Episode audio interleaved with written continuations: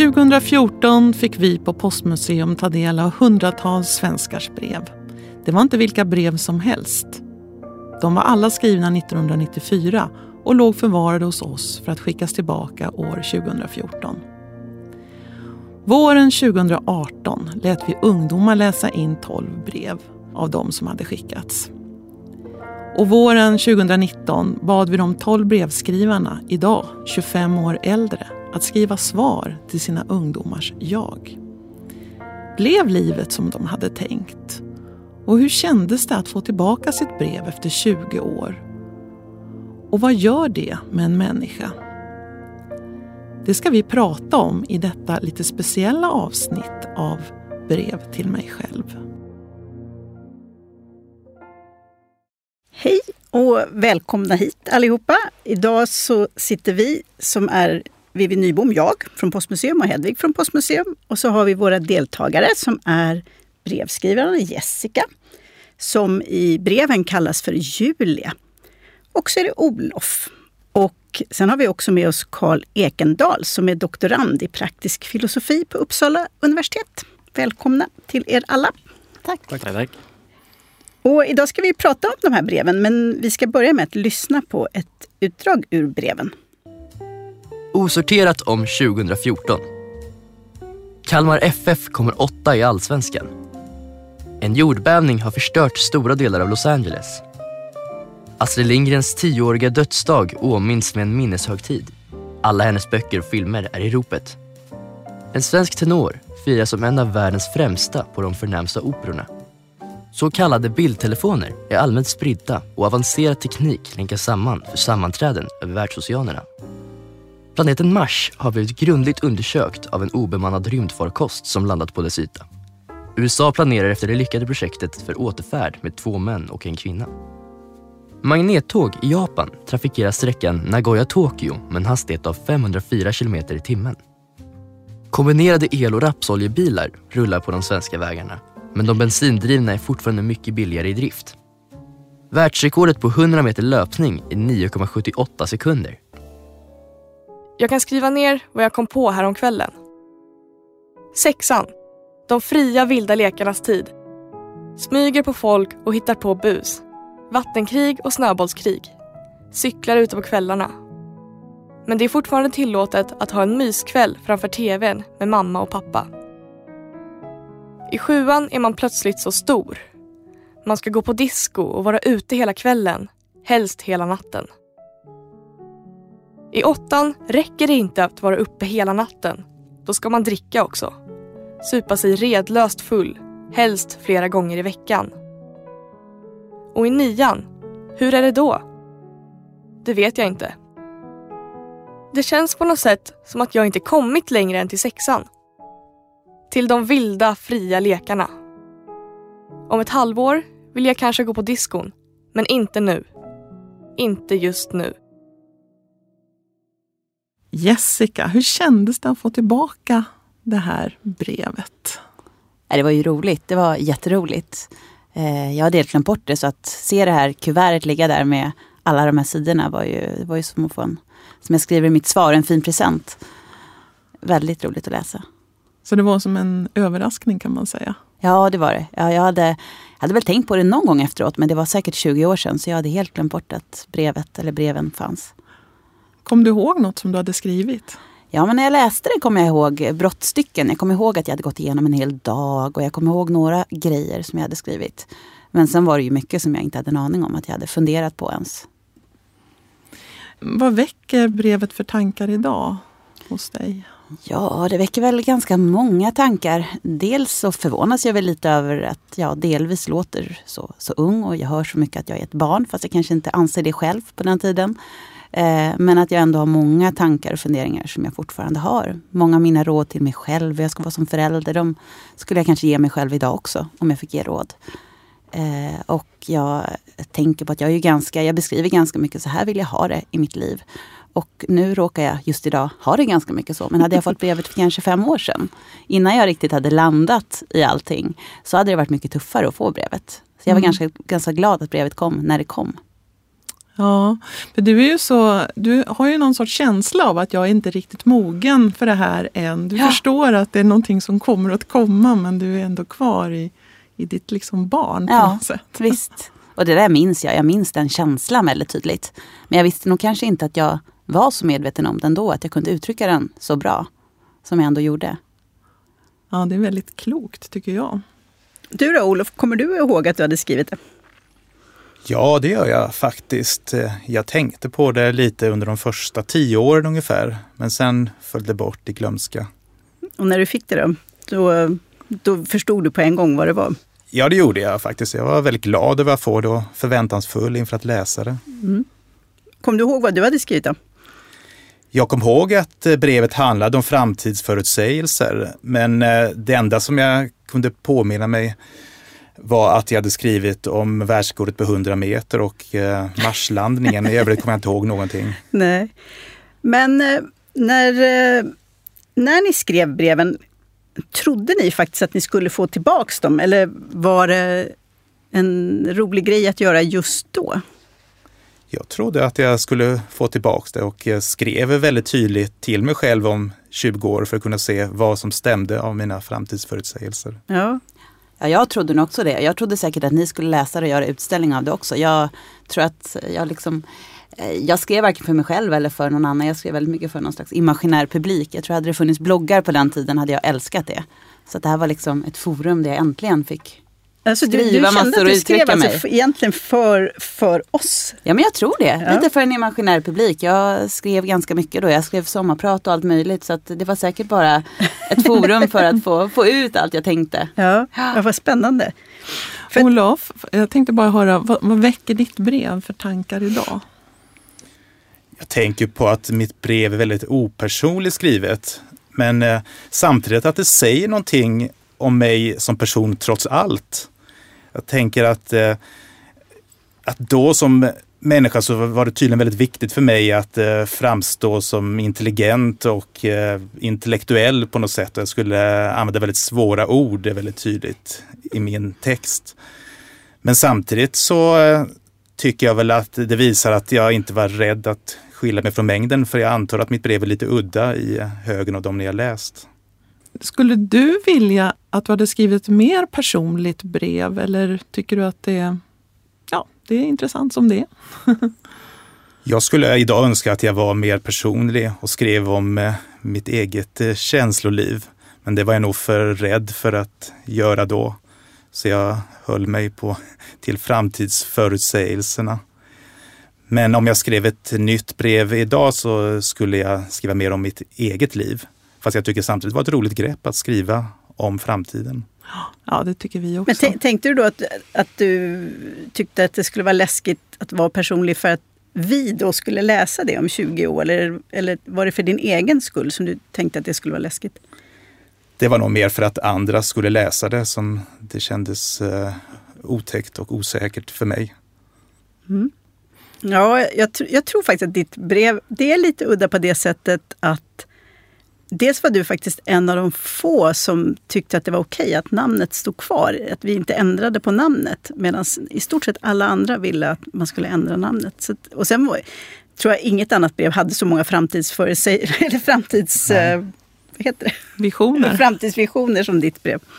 Så det är, Ja, Det är väldigt imponerande att du, du har sådana kunskaper måste jag säga och är så liksom, insatt nästan alla som fick tillbaka sina brev tyckte att det var väldigt roligt och spännande. Men det fanns ändå en hel del som också tyckte att det var jobbigt att få tillbaka sina brev. Och vi pratade då, när vi skickade ut breven, med ganska många människor. Så att vi vet att det, det var en del som tyckte att det var jobbigt att möta sig själv som, som man var för 20 år sedan. Vad, vad tror du om det, Karl? Vad tänker du om det?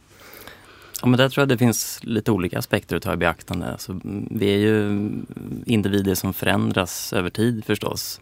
Och eh, har det gått 20 år eller kanske mer, då har vi förändrats en hel del. Vilket jag antar då kan, ja men dels kan det ge upphov till att man känner att det här var lite, man kan inte stå riktigt för vad man sa eller kanske hur man sa det eller, eller hur man betedde sig på den tiden. Eh, så det kanske helt enkelt kan kännas lite genant, kanske att få tillbaka det. Eh, men eh, där tror jag att det, alltså det, det bästa botemedlet mot en sån attityd mot ens gamla be, eh, brev, det är väl att eh, helt enkelt betrakta sig själv i det förflutna som en annan individ kanske. Man kan, på samma sätt som man då kanske inte bör skämmas över vad andra personer gör eller hur andra personer uttrycker sig så kan man anlägga det perspektivet och tänka att ja, men då behöver jag inte heller skämmas över vad jag, mitt tidigare jag då, har uttryckt eller hur jag har uttryckt mig, tänker jag. Hur Känner ni att det är ni som har skrivit det där brevet? Ni kan verkligen känna att det här är jag som, som tonåring? Ja, det känner jag definitivt att det är jag, men jag är väldigt annorlunda nu jämfört med hur jag var då. Känner jag också. Ja, jag känner samma sak. Det är ju jag, men det är ju väldigt mycket ett barn-jag. Så det är klart det är skillnader. Karl, eh, vad får du för tankar om vår tid, vår framtid och dåtid eh, när du lyssnar på brev till mig själv? Ja, men de här breven de aktualiserar vissa filosofiska frågor förstås om tid och identitet och eh, att vi är föränderliga varelser och hur vi ska förhålla oss till det här faktumet att vi är föränderliga varelser och så vidare. Eh, så en lite djupare då, metafysisk fråga som man kanske inte går runt och reflekterat över så mycket till vardags handlar om vad det ens är som gör att den här personen som satt och skrev det här brevet då i mitten på 90-talet ens är samma person som sen återfick brevet. Eh, alltså många filosofer diskuterar vad är, vad är det för koppling mellan de här, ja, de här individerna då, eh, som gör att de är att betrakta som samma individ. Eh, säkert olika på många sätt men i grund och botten samma person. Ehm, och en vanlig uppfattning kring det här är att eh, det är just psykologiska faktorer. Det faktum att personen som skrev brevet i det här fallet delar, eller det finns så att säga överlappande kedjor av eh, minnen och önskningar, förhoppningar, trosföreställningar som så småningom leder fram till den här dagens individ som återfår brevet. Det är alltså en, en teori om psykologisk kontinuitet kallas det. Eh, och det är det som gör att eh, den eh, unge Olof till exempel då är samma person som den här äldre Olof här idag. Och samma sak med, med Jessica. Eh, så det är en sån klassisk filosofisk fråga kan man säga som, som eh, gör sig påmind. En annan intressant fråga i sammanhanget är väl just det att, att vi förändras över tid och hur vi bör förhålla oss till det här faktumet att, att vi förändras över tid. Eh, och eh, för det är ju åtminstone många av oss som eh, faktiskt gör detta. Vi får nya personlighetsdrag och vi kanske får nya värderingar och nya önskningar, nya eh, strävan i livet. Och eh, då kan man å ena sidan känna att det är lite hopplöst att planera för framtiden eller kanske ens förutspå vad man ska vilja i framtiden. Ehm, och eh, för vi vet helt enkelt inte hur det kommer vara om några år och kanske inte minst eh, med avseende på de här breven, alltså när man befinner sig i en sån här formativ ålder där mycket kan hända bara de kommande åren. Så å ena sidan verkar det knepigt då att, att försöka förutspå framtiden ens för, för sin egen del, vad man kommer vilja. En kanske lite mer trösterik tanke är väl då att eh, på ett sätt så väljer vi också genom våra livsval vad vi kommer att vilja här framöver. Om vi börjar läsa till arkitekt till exempel, ja, då blir vi antagligen intresserade av arkitektur och då kommer vi antagligen vilja jobba som arkitekter så småningom. Om vi skaffar hund så blir vi väl eh, hundmänniskor helt enkelt. Så eh, även om det då kan vara knepigt att, veta vad man kommer vilja här framöver så har vi också viss makt över vad vi kommer vilja. Eh, vilket gör det lite enklare då. Och det här är något som just man påminns om när man lyssnar på de här breven. Där det är två unga personer som eh, lite siar om framtiden och hur de själva förhåller sig till sin egen framtid. Vi valde ju just brev skrivna av tonåringar för att det som åtminstone slår mig, det är ju väldigt mycket det här att den här tiden är väldigt universell. Jag tror inte att det är så jättestor skillnad idag att vara tonåring mot hur det var 1994. Vissa saker är ju självklart skillnad men i det stora hela tycker jag man slås av att det är ganska mycket samma. Mm. Är det någonting som ni håller med om? Jo, absolut. Jag tror att de här grundläggande, liksom, lite djupare existentiella frågorna som man ställer sig, de är ju väldigt lika. Sen är ju liksom, uttrycksforumen väldigt annorlunda idag. som jag sa, jag tror lite för mig blev det här brevet så väldigt långt så mitt brev blev för att jag hade inga andra forum att skriva i och jag tyckte om att skriva och uttrycka mig och, och reflektera runt mina tankar och känslor. Idag finns det bloggar och man gör Instagram-post och man gör så mycket annat. Det finns så många forum för att få ut det här idag. Så att hade jag skrivit idag hade det kanske inte blivit så många sidor. Då hade det blivit ett lite kortare och mer, mer sammanhållet brev. Ja. Jag tror kanske det skiljer sig nu och då. Jag tror att eh, det är stora likheter mellan ungdomen 1994 och ungdomen idag. Att likheterna är mycket större än skillnaderna. Ja, nej, men jag får också den känslan. Det är, det är en väldigt speciell tid i livet. Tror ni att det skulle kunna gå att genomföra ett sånt här brevprojekt idag? Ja, men skulle 20 000 personer verkligen sätta sig och skriva ett brev till sig själva? Jag tror att det är gott att göra ett sånt här projekt men eh, då inte att skicka in med frimärke på ett brev utan då är det väl i mejlform i så fall. Och sen tror jag att de flesta personer hade uttryckt sig kortare, inte i ett sånt långt, eh, lång brevform. Nej, det är väl kanske lite som det som du var inne på Jessica, det här att det, man har så många andra sätt att uttrycka sig på. Så då, därför blir det kanske kortare om man hade gjort det idag. Jag tror det och jag tror vanan att skriva brev är inte så stor idag som det var då kanske. Jag vet inte. Att man är van att göra kortare inlägg. Man skriver ett kort inlägg på Twitter eller Instagram och man är lite sådär ja, sammanfatta saker mer. Då kanske man var vanare att brodera ut. Ja. Jag tänker om ni, vi säger att det hade varit i, i digital form då, då. Man hade skickat in det och så hade, man då, hade vi då skickat tillbaka det då 20 år digitalt. Så tror jag inte, ändå inte det varit samma sak. För jag tycker ju att det var så häftigt att öppna de här breven och se alla de här olika handstilarna och brevpapperna. Och det går inte riktigt att återskapa i digital form.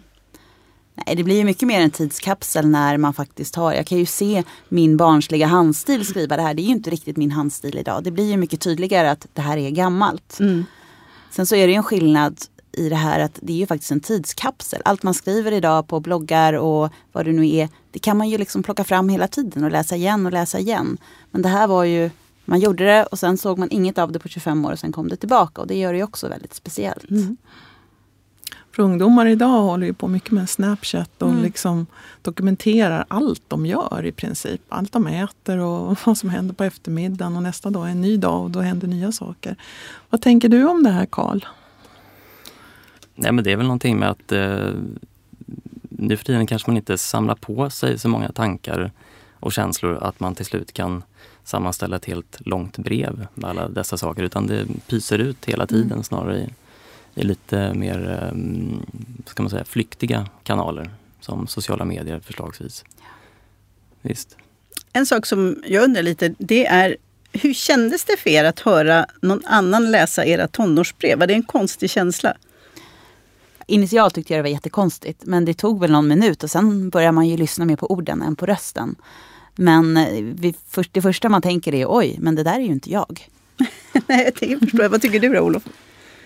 Nej, jag delade inte riktigt uppfattningen. Jag tyckte att eh, det var väldigt enkelt för mig att lyssna på en annan som talade in eh, mitt brev. För att eh, jag kände igen eh, mig själv snarare. Med, jag tycker det var väldigt skicklig eh, skådespelare som läste det på ett väldigt korrekt sätt. Mer som jag var på den tiden kände jag faktiskt. Mm, jag tycker också de var jätteduktiga de som läste.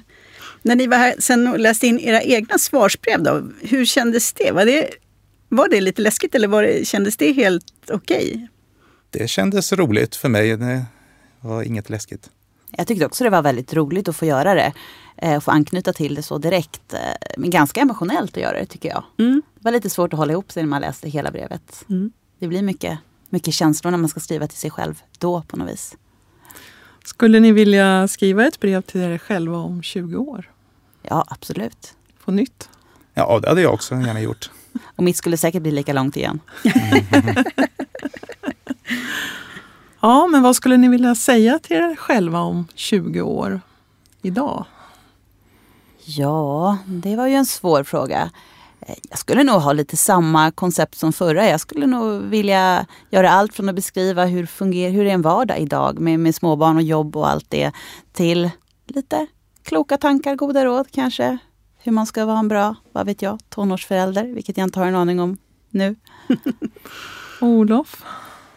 Jag skulle vara mer personlig och skriva mer om mitt eget liv.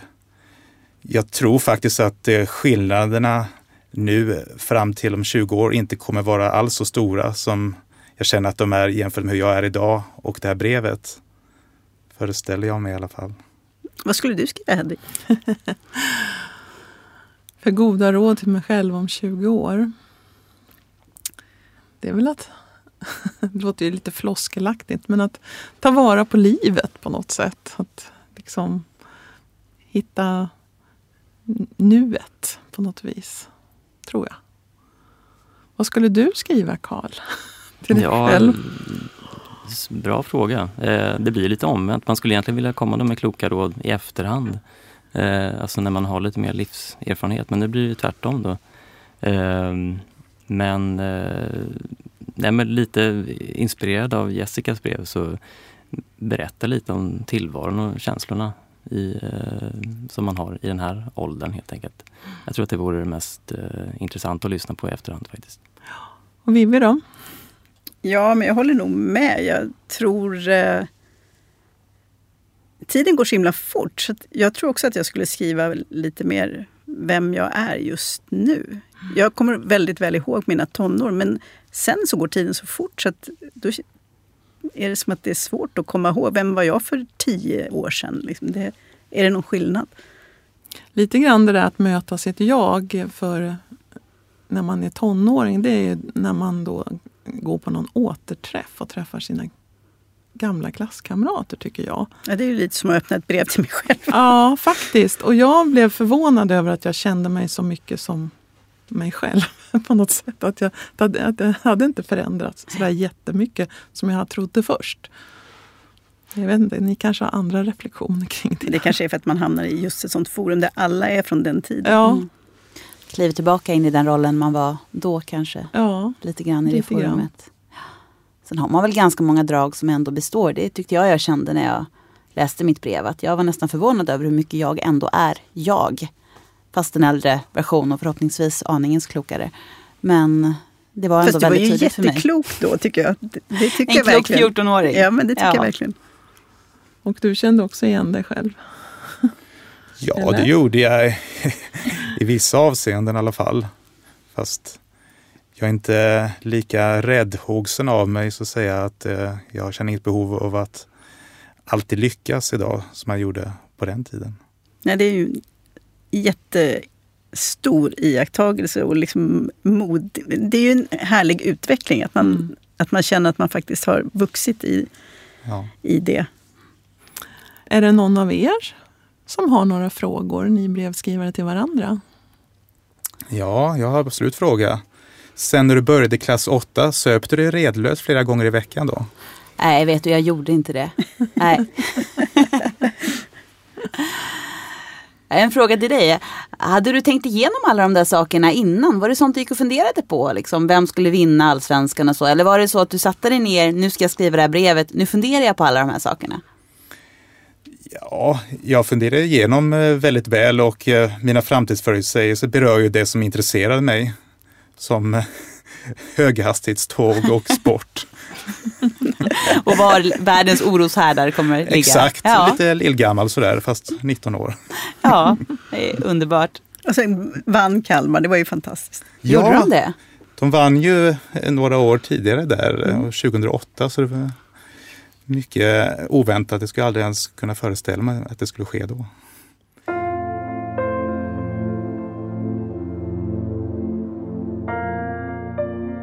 Tack för att ni kom hit. Jessica, Olof och Karl. Ja, tack så jättemycket. Det har varit väldigt roligt att träffa er på riktigt. Ja, jag också. Tack för att vi har fått vara med. Det var väldigt roligt att se er som har gjort det här också. Mm. Tack så mycket. Tack.